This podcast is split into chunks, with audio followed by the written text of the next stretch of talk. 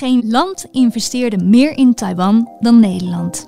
We hebben grote belangen in Taiwan, dat ernstig bedreigd wordt door de grote buurman China. Wat gebeurt er zodra de Chinezen binnenvallen? Welkom bij een nieuwe podcast van EW over het coververhaal van deze week. Mijn naam is Fleur Verbeek en vandaag spreek ik met de schrijver van dit verhaal, redacteur Erik Vrijsen. Ik moet hier meteen bij zeggen dat Erik dit samen heeft geschreven met Eefje Rammelo, onze China-correspondent. Zij kon hier vandaag niet bij aanwezig zijn, dus ik en Erik nemen deze podcast samen op. Welkom Erik. Goedemiddag, goedenavond, goedemorgen. De luisteraars kunnen dit natuurlijk op ieder moment van de dag beluisteren, dus luisteraars welkom. Erik, kun jij schetsen wat de belangen van Nederland in Taiwan precies zijn? Ja, zo door de jaren heen uh, heeft geen land uh, in Europa meer geïnvesteerd in Taiwan als Nederland. Philips was de eerste multinational die daar investeerde. Ik, ik herinner me nog in mijn kinderjaren dat, dat er uh, mensen bij ons in het dorp die werden dan geplaatst in, in Taiwan voor Philips. En Philips die had daar, ja, de eerste, was de eerste multinational die daar zat, elektronische industrie. daaruit is is ook uh, later uh, belangrijkste uh, chipsfabrikant ter wereld ontstaan. die is daar gesticht met een belang van Philips van 30% daarin. Later heeft Philips dat belang afgestoten. Dat is jammer, want ja, dit was wel een grote, ja, grote speler, de grootste speler in de chipsindustrie, zeg maar.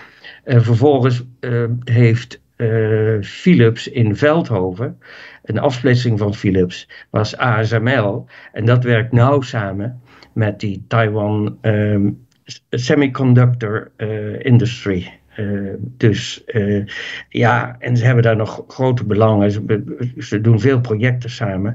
En, en die, die Japanse industrie is een van hun grote afnemers. Dus dat is het belang voor Nederland. En verder alle grote Nederlandse bedrijven zitten daar. Ze lopen er alleen niet mee te koop, want ze willen ook handel drijven en, en uh, zaken doen met China. Waarom hebben deze bedrijven zoals Philips, uh, ik moet bijvoorbeeld ook denken aan het uh, bedrijf Foxconn, wat heel veel producten maakt voor Apple.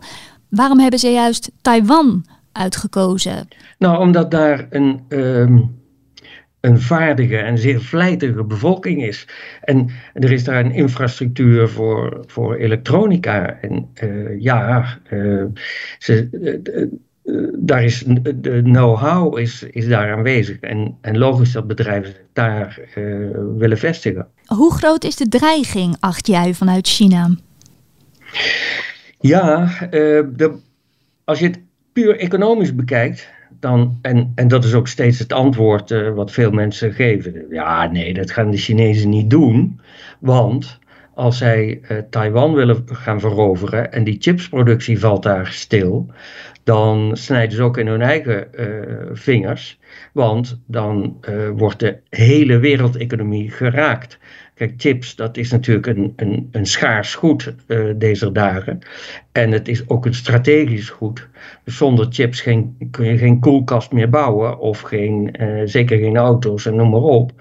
Uh, maar chips zijn ook voor de nieuwe, ehm, nieuwe categorieën wapens. En dan met name de Chinese uh, hypersonic uh, missiles, hè, dus die, de raketten met een supersonisch geluid, vijf keer de geluidssnelheid of zo. Ja, daarvoor heb je zoveel rekenkracht nodig om die precies uh, doel te laten treffen, dat je daarvoor de allernieuwste generatie chips nodig hebt. En die worden in Taiwan gemaakt. De, de, daar zijn ze nu bezig met, ze zijn bijna gereed met het ontwikkelen van 2 en 3 nanometer chips. En dat is, uh, ja, dat is waanzinnig klein. Maar je hebt het nodig voor, voor de rekenkracht in je, nieuwe, in je nieuwe raketten. Dus daarom hebben de, de Chinezen daar een groot belang bij om, om zeg maar, die industrie buiten te maken. En de Taiwanese voelen zich hevig bedreigd, want hoe groot is de dreiging? Ja, je kunt het ook afmeten aan het aantal uh, uh, hacks wat dagelijks, en dat loopt in de, in de honderden per dag uh, voor, voor Taiwanese bedrijven. Dus je kunt het afleiden uit ja, een beetje kat-en-muisspel. de, de Chinese straaljagers die daar over dat eiland scheren. Gewoon puur intimideren. Ja. En dus dat, van dreiging is zeker sprake. Wat gebeurt er concreet zodra China binnenvalt? Of verwacht jij meer een aanval in slow motion?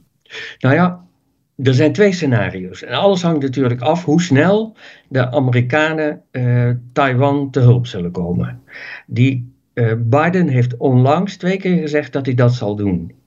Wat op zich al opmerkelijk was, want eerder lieten uh, Amerikaanse presidenten dat altijd vaag in het midden omdat ze niet wilden zeggen wanneer ze wilden ingrijpen. Want dan trek je een rode lijn en dan eigenlijk prikkel je dan de Chinezen om die rode lijn eens op de proef te gaan stellen.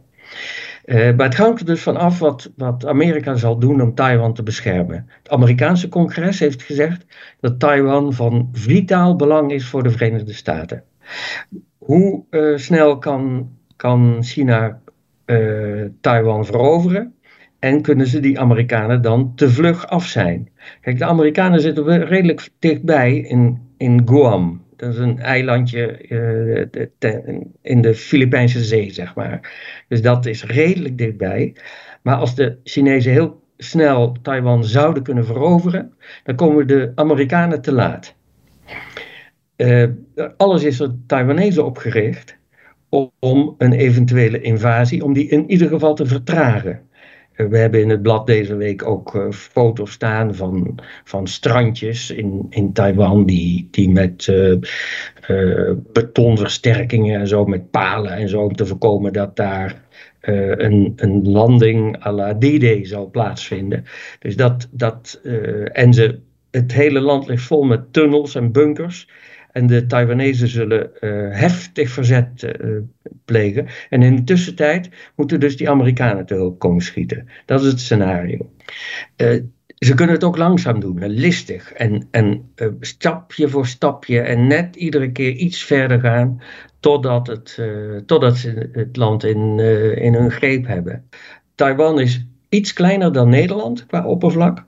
Bestaat uit honderden eilanden. Kijk, het belangrijkste eiland ligt iets van 180 kilometer, meen ik, uit de kust van de Volksrepubliek China. Maar er zijn heel veel kleinere eilandjes en die liggen daar vlakbij. Dus de Chinezen kunnen ook bij wijze van spreken eilandje voor eilandje inpikken. En, en op een gegeven moment zal Taiwan dan toch moeten reageren. Dus het kan een slow motion worden of het kan een ja, zeg maar een blitzkrieg worden. In, in de hoop dat de uh, uh, Chinezen de Amerikanen uh, aftroeven. En ook hoe ze dat gaan doen, dat is, ehm, ja, dat is nog toch speculeren. Um, maar dat de Chinezen het willen, dat staat vast. Hoe kunnen wij Taiwan bijstaan als, als Nederland, maar ook natuurlijk in internationaal verband? De Tweede Kamer heeft onlangs een paar keer over China vergaderd. En, en met name de, de VVD heeft er erg op aangedrongen dat er alvast een, een, ja, een soort scenario wordt uh, geschreven, zodat we ook weten dat als het gebeurt, uh, Nederland een, een richtsnoer heeft uh, of een draaiboek. Zo moeten we ons opstellen. Ehm, de uh, Taipei-vertegenwoordiger, ik zal het maar diplomatiek zeggen, dus de Taiwanese vertegenwoordiger eigenlijk, die zei tegen mij: Ik hoop dat uh, het Nederlandse parlement ons blijft steunen. En alles wat ze doen uh, om ons te, die, symbolisch bij te staan, dat vinden wij al heel erg belangrijk. Uh, in het verleden heeft uh, Nederland ook wel onderzeeboten aan Taiwan geleverd. Maar dat is nu out of the question. Dat, dat is onmogelijk. Wij zullen daar geen wapens aan leveren. maar als het zover komt, kijk, het, het scenario is natuurlijk: Taiwan wordt overvallen. de Amerikanen snellen Taiwan te hulp. En uh, de Amerikaanse president Joe Biden belt met uh, Mark Rutte. En die krijgt s'nachts een telefoontje. En met het verzoek stuur de Nederlandse marine om ons te helpen. Een fregat van jullie is daar in de buurt. Jullie hebben uh, luchtverdedigingsfregatten. Zorg dat je ons komt helpen. Bij het afsluiten van de straat van Ma Malacca, dan, dan sluiten wij daar de olietoevoer naar China af. En dan zijn ze snel klaar met hun offensief. Dat kan, dat is een scenario.